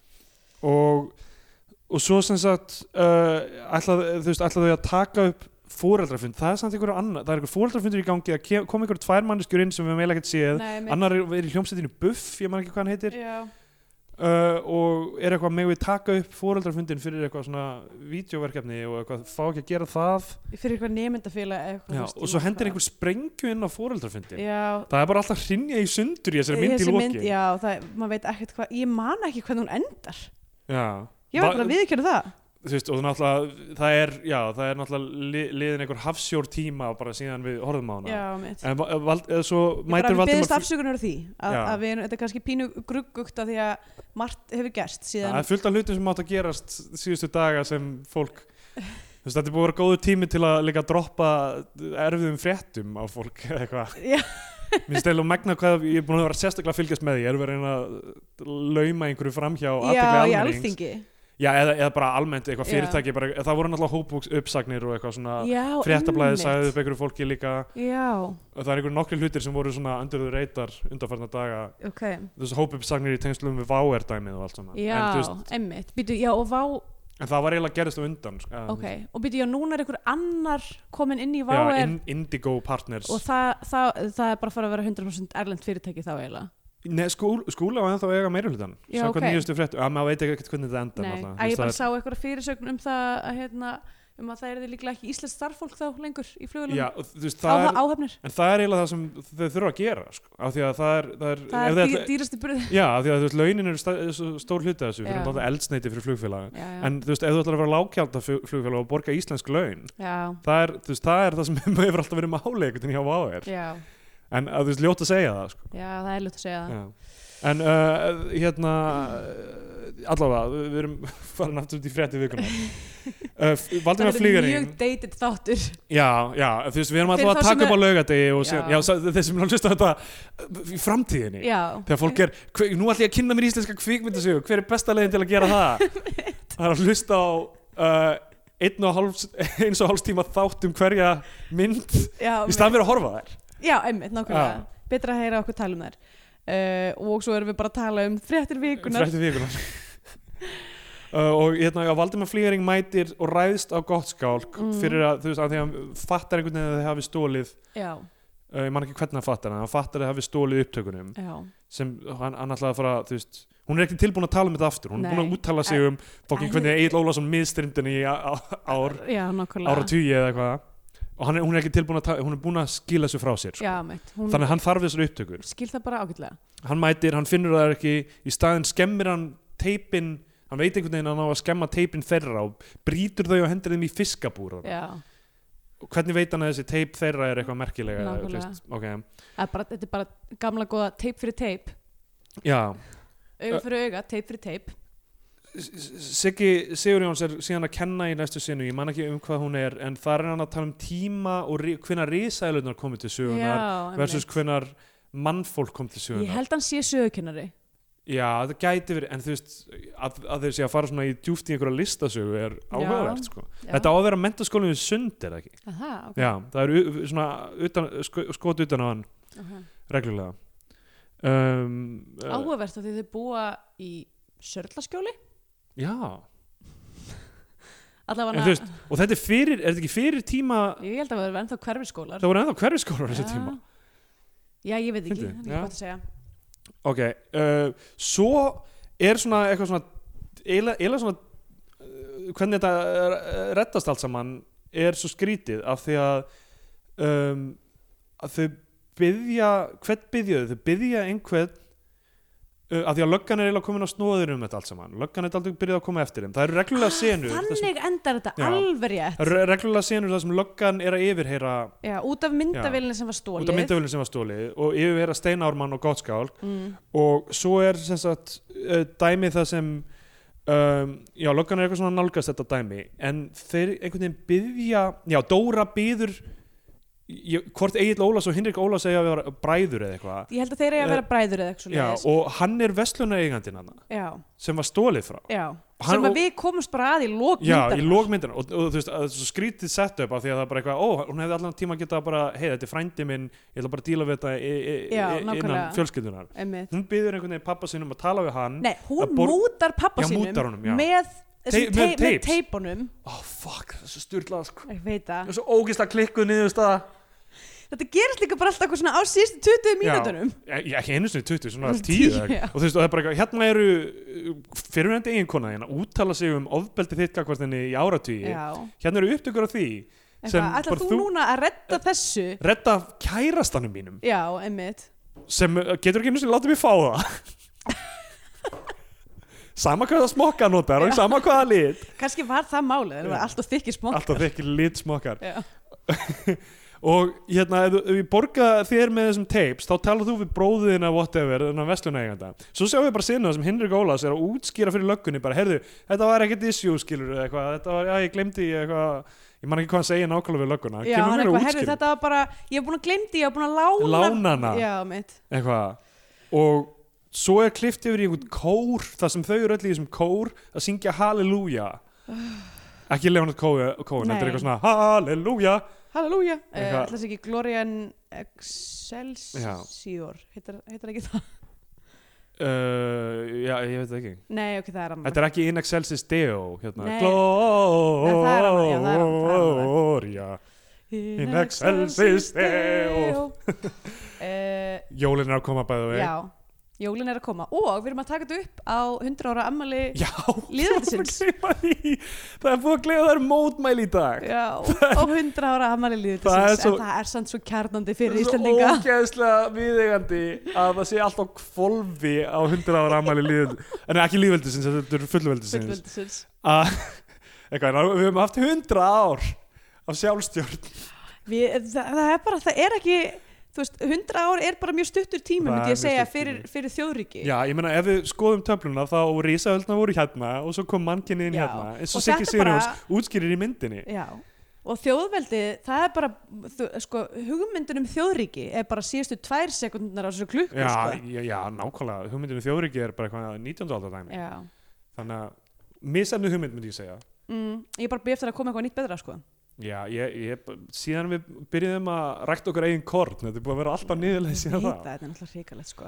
Og ok, svo í lokin, eftir hann Hallelujah song Þá kemur bara texti á skjáin Bara eitthvað, uh, hérna, Dóra og Gottskálkur Hvað sem karatinn þeirra heita Reka núna stöndugt kvikmyndafyrirtæki Sem heitir eitthvað whatever Já, uh, Ólafur Eils, hann er núna uh, menningarfulltrúi ég er farin að vinna eitthvað svona í ráðuneyt eða hérna í, í sendiherra í Helsingi eða eitthvað líka ógeðslega fucking weird niðurstöðu skjárin svo þetta sé eitthvað stand by me eða eitthvað Já, einmitt og og eitthvað mér sama hvað er um þessa Já. karaktera Sest að þau eru successful kvikmynd að gera, núna, um, gera Já. með núna Frá, e- eftir allt þetta kjaftaði Nákvæmlega bara til að það er ömulegt Já, til að ömulegt að þau hafa ekki bara þú veist, fengið einhvern veginn að kenna á því hvernig þau komið fram við já, fólk nákvæmlega Sest eitthvað móður Dóru Tildurulega bara svona eh, siðferðslega gjaldrúta Já, Dóra sem er búin að koma öðru hverju með einhverja svona feminist input í þessa mynd endar þau bara að svína á móður sinni já, sem, Sko. nákvæmlega sem var bara feðraveldið er að halda niður sko. Einmitt, þetta er frekar ömulegt sko. já og svo kemur skotaðum aftur það sem þau eru að segja eitthvað eitthvað, hvað, næstu mynd, gerum mynd sem heitir Sex, Drugs and Rock'n'Roll Ó, oj. og svo eitthvað, er það eitthvað high-five og gera eitthvað svona Gerir air eitthvað guitar og gítarmúf, eitthvað Mjög 90s gítarmúf Þetta er eh, alveg sko þetta er bilað og svo er bara myndin búin Svo bara myndi búin oh, voru allir lausir endanir nýttir ég veit ekki, hvernig fór þetta með Sigga Sigurjóns og Helgu Braga Já, nákvæmlega og Bobo og allar hótanir að gagvar honum Það er ekkert Þetta er bara eins og lífið, það heldur bara áfram sko. en lífið heldur bara áfram Já, og það er alltaf bara við erum, að- og, og þú veist núna á 2001. öldinni með þessa snjálfsíma sem fólk getur ekki Mm, litið ég upp úr veit það, þetta er náttúrulega hrikalegt sko þá er, þú veist, við erum öll að fara að lenda í því að vera karakter í þessari mynd einhver tíma Sko áhugavert, af því að mér, finn, mér fannst einmitt, þegar, þegar ég byrjaði að horfa, ég var eitthvað svona ok, þetta er, þetta er eitthvað svona meta tilraun kvikmyndagerðamanns á tímum heimamyndbanda þar sem að, Já. þú veist, upplun kvikmyndagerðamanns eins og þessum tíma er bara eitthvað, núna getur bara allir Já. átt, átt kameru, það getur Já. bara allir gert einhver myndir fáranleg líðræðisvæðing á því sem ég er búin að ég er búin að Já. sitja í einhverjum styrkjum kvikmyndasjós núna í Já, á- áratug nákvæmlega, núna er bara- bara eitthvað búið að líðræðisvæða það hvað kjæft er það? einmitt og hérna og já, ég meina, þú veist, við erum, þetta þetta er önnur annað svona iteration af því núna með snjálfsíma er að fólk getur, þú veist, eins og það er mjög flott mynd uh, sem heitir Tangerine Já, uh, sem að er tekin upp bara á iPhone sá leikstjóri gerði síðan Florida Project sem er Já. geggjuð mynd uh, þannig að það er á allra færi í rauninni að, um, að gera kvikmynd þannig séð sko Já, já um, og, Og- við erum kannski bara að fara að vera í einhverjum svoleiðis uh, síma, síma, síma myndum Já, og þú veist, við erum að tala um bara uh, það væn, dæmi allt saman og Snapchat og Mhm. Instagram stories og allt þetta, þú veist, við erum öll að gefa einsýnin í okkar líf og svo er allir að spjalla náttúrulega á Messenger og í einhverjum lokuðum hópum og að, Mhm. þú veist tala illum fólk og eitthvað já, og þú veist, það er oft talað um hennar stóra gagnalik mér finnst svo fyndi við nútíman að við erum alltaf að tala um það sem við vitum að er að fara að gerast og verður hræðilegt við erum alltaf að tala um bara, bara heimurinn að fara að enda eftir 20 ár út af, uh, hérna, ekki enda en hann er að fara að vera uh, eitthvað Mad Max uh, Hellscape Já, já. eftir 20 ár og eitthvað við ég erum held að að fara að díla við við það ég held að Við vitum öll að gagnarleikin kemur og allir Já. munum vera reyðið hver út í annan sem við fengum smá nasa þegar að- að Já. þjóna um, það, það, er alltaf, það er allir búin að átta sig á því hvað hlutinir er að fara að fara ítla Já, ég held sko fyrir minn partur, ég held að fólk viti bara upp á sér sökina Já, og það er bara eitthvað, já, þegar það kemur að því þá á ég það skilið þegar þessi, þegar þessi, þegar þessi verald verður orðin ólífanleg að þá veit ég hverjum það er að kenna Já. og það er búmarkynnslóðin já það er þessi eina kynslu að fóreldra okkar fóraldrar okkar, djöfis is fucking oh, og svo það, það ljóta sem þau gerðu var að, að, að byrja að tala svona ítla um millennials já, skilur okkar kynslu við erum ekkert gert Já, nákvæmlega, við erum við erum aðeins aðeins í símanum okkar ég, ég sé það, við erum, við erum bara aðeins í símanum geða Já. okkur smá space Já, nákvæmlega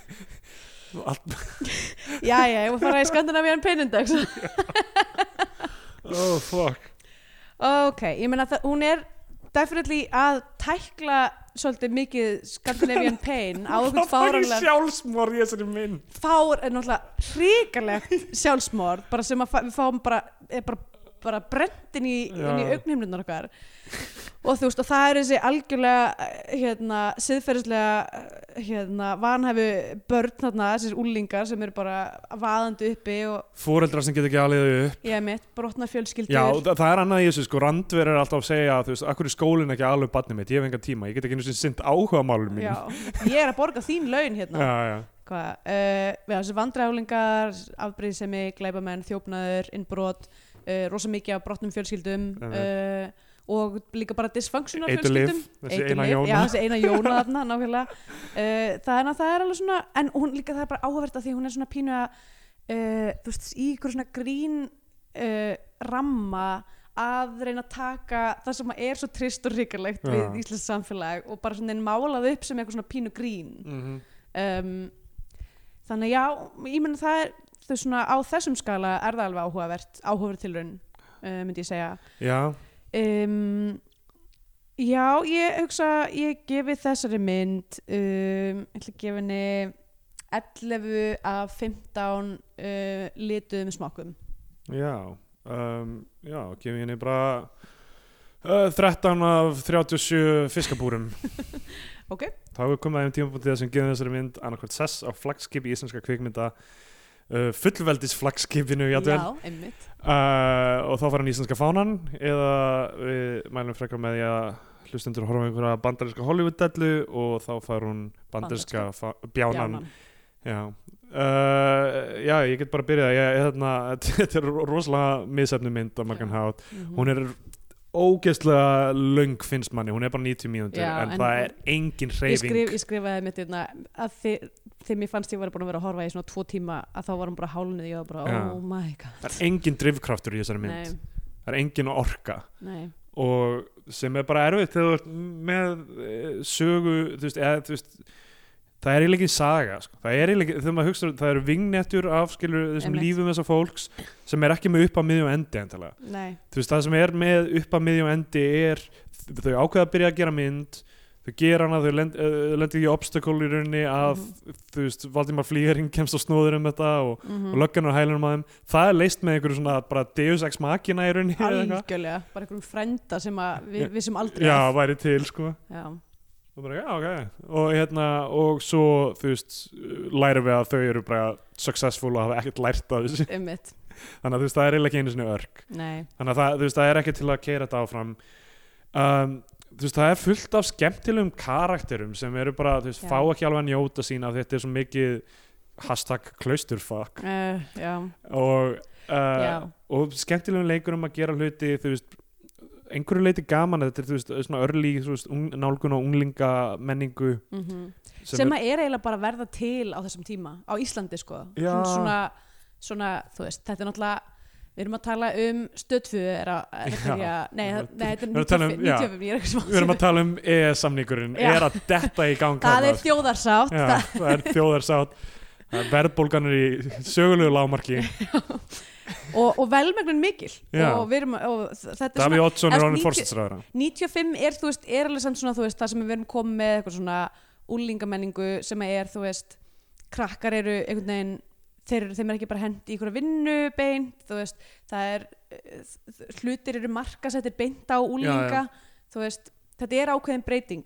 Uh, Já, ég myndi segja þú veist, það er bara r- r- r- að, þú veist, velmegunin og, eh, sem er að byrja þarna og þú veist, það er aðeins meiri uh, aðeins meira í Er gangi þetta inn á ekki- heimilum fyrir er, er, tölvuspil og Já, eitthvað svona er shit sko. var þetta ekki kallað eitthvað svona sjoppukynsluðin eða eitthvað? líka? Já, sem engar sens að það er alltaf að sjoppa í þessari mynd Já, Þess, mér finnst það áhugavert, sem- þessi mynd er fín sem eitthvað svona innsýnin í eitthvað tímabil já. uh, ég myndi ekki mæla með því sérstaklega að horfa á hana Nei, sko. hún er ekki nema ekkert að hafa eitthvað rosa verið skemmt brennandi áhuga já, á að sjá Óla Eils með hár. já Eh. og bara, eiginlega bara hann já, þú veist, mér finnst hann- mér finnst hann Óli Eils góð leikari og eitthvað Já. en þú veist, þarna þau er þarna þrjú, eh, kannski bara af því þau eru ung og óreyn já, það er en, erfitt að en líka, líka kannski bara af því að þeim er ræðu upp á móti öllum bestu leikurum Íslands á þessum tíma En þau, þau koma ekki alveg jafn vel út úr þessu eins og allir aðrir Nei. eldri leikararnir En það er bara, já, þetta er bara, þú veist, þessi mynd var aldrei að fara að ganga og Nei. Þráin Bertilsson leiðið að segja, við erum búin að horfa á sex myndir eftir hann núna já, og ég hef ekki fílað neina af þeim nei það er bara einhver svona ákveðin þú veist, það Hann er þessi náttúrulega stíl samt ástsæll, þú veist, fólk elskar já, líf- fólk elskar líf- þessar myndir ég, þú veist, lífsmyndirnar og... og talaði um þetta Jónundur Jón, það er definitely mikið að finnu grín í Jónundur Jónbjörna Já. þú veist, hún er eftirminnileg og svona, þú veist, við erum ekkert eitthvað algjörlega að- Nei, að nei. að bauna yfir hann en hann hefði bara átt að vera í sketch comedy Já, eða eitthvað, algjörlega sko. hann hefði bara átt að skrifa sketsa Hann alltaf gerði eitt áramöndaskaup já, já. Ég veit ekki hvernig það var af því það Hann, hefur ger, hann hefur gert alls konar hluti sem voru ekki kvikmyndir var- Já, og hann hefði alltaf skrifað bækur sem fólk fílar að einhver leiti og eitthvað sem ég hef ekki lesið mhm. Þú veist, ég er ekki að segja að Fráin Bertusson sé ómögulegur og ég er alls ekki að segja að hann sé geðveikur ég vil ekki að það sé upptak af mér Nei, að segja að Fráin Bertelsson er geðveikur og ekki klippa þetta út og taka í sa úr samhengi eins og ég er búin að vera að gera og því þetta er allt ekki um samhengi Oh boy uh, Ok, þannig að þú ætlar að gefa henni Já. bandaskapjörnum Uh, já, ég ætla ekki henni bandarinska bjánan Nei, Ég er bara að segja að Þráin Bertelsson er greinlega með þú veist, uh, húmor sem er hægt Já. að láta ganga upp í kvikmyndaforminu hefur hann ekki verið að virka þannig að ég, Nei. þú veist, ég get ekki sa- gefið þessari mynd uh, fánan, ég gef henni bandarinska bjánan Já, sem heila um, með ykkur Ég hef ekki haft tíma til að horfa mikið á kvikmyndum undanfært daga Nei en ég horfði á þrjár að við vorum með Thanksgiving saman Já, með alveg bandarinska rétt vinum okkar Einmitt. Þú horfðir á okkar fjóra, kláraður þau mömmi eftir við fórum? eða? Ég er náttúrulega hef hort á mömmi svona tólsinu Já, já, en ég er að meina að horfa á fjóra bíómyndir einn dag er alveg frekar Nei, magnað. við kláraðum ekki mömmi Já, við horfðum á ég ætla að mæla með The Meaning of Life sem er náttúrulega sketch comedy mynd sem, sem, er með mjög þe- sterkan thematískan kjarna Já, og mér finnst, mér finnst eiginlega mér finnst þetta besta grí- grínmynd alltaf tíma mér finnst The Meaning of Life, g- bara hún breyti lífi mínu já þegar ég var ungur Hún heldur sér hún heldur sér rosa vel og er Veit mjög, ekki hvort ég myndi segja sama með Life of Brian en Nei, mér finnst nefnilega ba- bæði Life of Brian og af því ég sá fyrst Meaning of Life, svo sá Já. ég Life of Brian og uh, Holy Grail mm. og ég var alltaf bara, akkur tala allir um þessa myndir Já, já, sem krakki, þá var ég, bara, ég, sk- þær eru meira með ykkur söguþræði já en bara þú veist thematíski og t- svona dyrfskan í því sem er verið að gera í Meaning of Life er frekar klikka allt saman sko. Já, ég fór tvisvar að- tvisvar að gráta yfir henni þegar við vorum alltaf liggjandi á meld eða nei, við vorum ekki byrjað að borða kalkunin þarna Nei, já, við vorum ekki, við byrjum náttúrulega á því að fá okkur eitthvað mac and cheese Já. því að kalkutin var ennþá að eldast og við vorum að s- svíkja grænmyndis eitthvað lit þarna aðeins. já, já, við tókum, tókum frídag En ég, en ég, þú veist, ég láði þarna bara eitthvað að horfa á hana ég, er smá þunnur líka og lítill í mér en ég var bara eitthvað, þ- þegar hann syngur þarna Galaxy lagið þarna, Já. kemur út úr ískapnum og Já. ég var bara eitthvað, ó, við erum svo lítil í Í þessum stóra samhenginu, risaðalurnar og svo við, tvær sekundur síðast tíminn er afstæður ég er búin að vinna heila vinnuviku í þá þreymur dugum Já, það var nú reyndar áður það var, já, þetta var gerðist áður en það já, en þú veist, sannaði það sem hann, er ekki ætlum syngur um í læginu Já, en já, það, þess Þráin Bertusson hefði hef betur gert slíka mynd Já. af því að hann greinlega er með einhverja thematíska nálgun þarna mm, og þú veist, bara sleppa sögurþrænum reyna að gera þetta, þú veist, já, emmitt ef þú ætlar ekki að reyna að gera almennlega sögurþræð, bara slepptu því sko. Já, true that uh, Já, ég hef svo sem ekki miklu við að bæta við það sem þú sagðir, ég er bara mjög samanlegaður og hérna uh, og get ekki gefið þessari mynd íslenska fánan heldur það er definitely, það er mjög skemmtileg uh, ég, m- sérstaklega segja, mér er alltaf mjög gaman að sjá spugstofugæðina gera aðeins svona tempraðara grín já, þar sem þeir eru, þú veist, í- að vinna með einhverja karaktera sem eru ekki bonkers Einmitt. og þú veist, og mér varst mjög gaman að sjá þá alla að gera sitt uh, já dæmi á tímabili hefur alveg verið þessu í spaukstofunni og í þeirra verkum hefur verið meira deadpan dót fólk mann svo mikið eftir Ragnari Reykjás og, já, og hérna Búi kar Örvari karaktervinnunni og Kristján Heiti Ólásson og eitthvað svona já, uh, sem eru svona stóri karakterar mm en hérna, það hefur alveg verið og sérstaklega Karl Ágúst til dæmis er til eitthvað svona þú veist, eitthvað svona mastersapn eða þú veist svona eitthvað svona Spaukstofu. Spaugstofu. Það voru náttúrulega einhver tape sem voru með svona best ofs. Já. og eitthvað. var, ég var alveg til í að sjá það eftir, Já. mjög langt sinni ég sé uh, spöggstofuna og svona á sko. Nei, fullorðinsárum Heldur að þeir hefðu, ef þá væri nú einn spaukstofu þáttur um þetta Klausturgate mál, oh boy. hann þeir hefðu nú aldeilis ok, það var náttúrulega gert það að sko- var- skotspóni sínum. var náttúrulega einhver sem póstaði myndaðum og var bara eitthvað þetta þeir verða eðust Já. bara spöggstofugæðinir Bara reunite. ég bara, að því að þeir geta svo auðvitað að leika Já. allar þessar leikendur í Eh. Örn Arnarsson góður, Sigmundur Davíð, já, mitt Siggi Sigurjóns Gunnar Eh, Bræi. ég var til að sjá þetta, ég var mjög mikið til að sjá þetta Uh, um, en já, ég- þú veist gaman að sjá þá, gera Brandverð sem Anna Kolbrún Arnardóttir. með hárkollu og eitthvað.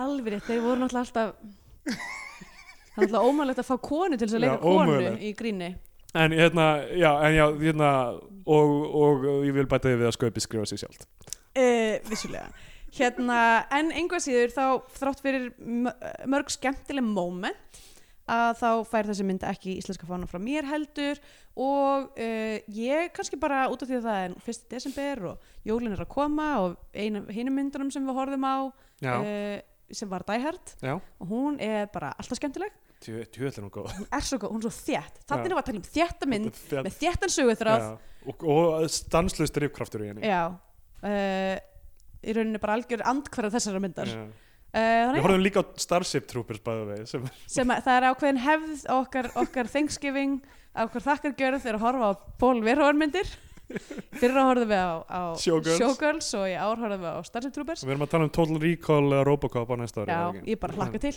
Já.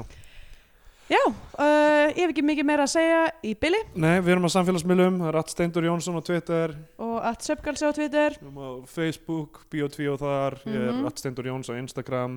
Ef þið ætla að fjalla um þennan þátt, sérstaklega þá notið þið hashtag Klausturgate Já, vissulega og hashtag Biotíu og hashtag Bio2 og hashtag Litaði smokkar. Eh, Já Og uh, með alltaf nota hashtag brennum suðunis Já, Sama hvað já, gerist. Já, það má líka. og bara til hamingi með fullveldið í Íslandika, bara til við erum hamingju Við erum komin inn á annað árhundraðið, bara let's keep it going, við erum komin inn á þriðja árið hérna í Einmitt. Bíotvíó, þú veist það horfir allt til betri vegar. Bara áfram Ísland, ekkert stopp